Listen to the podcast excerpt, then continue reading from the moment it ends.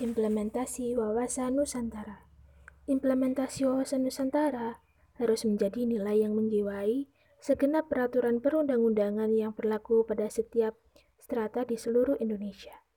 Selain itu, wawasan Nusantara dapat diimplementasikan ke dalam segenap peranata sosial yang berlaku di masyarakat dalam nuansa kebinekaan. Mengapa harus dalam nuansa kebinekaan? Dapat kita ketahui, semboyan Bhinneka Tunggal Ika memiliki arti berbeda-beda tetapi tetap satu jua. Jelas, pada hal tersebut berarti wawasan Nusantara harus diimplementasikan sesuai dengan kondisi bangsa Indonesia yang majemuk.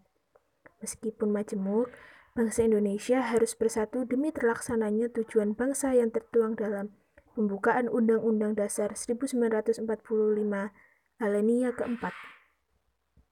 Dengan demikian, wawasan Nusantara diharapkan dapat menciptakan kehidupan bangsa Indonesia yang toleran, akrab, peduli, hormat, dan taat akan hukum. Semua itu menggambarkan sikap paham dan semangat kebangsaan atau nasionalisme yang tinggi sebagai identitas bangsa Indonesia. Implementasi wawasan Nusantara dalam kehidupan harus dapat menciptakan tatanan yang benar-benar menjamin pemenuhan, peningkatan kesejahteraan, dan kemakmuran rakyat secara merata dan adil.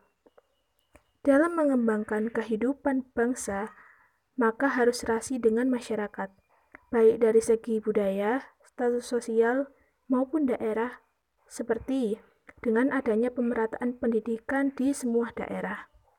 Di samping itu, implementasi wawasan Nusantara harus mencerminkan tanggung jawab pengelolaan sumber daya alam dengan memperhatikan kebutuhan masyarakat antar daerah secara timbal balik serta kelestarian sumber daya alam itu sendiri.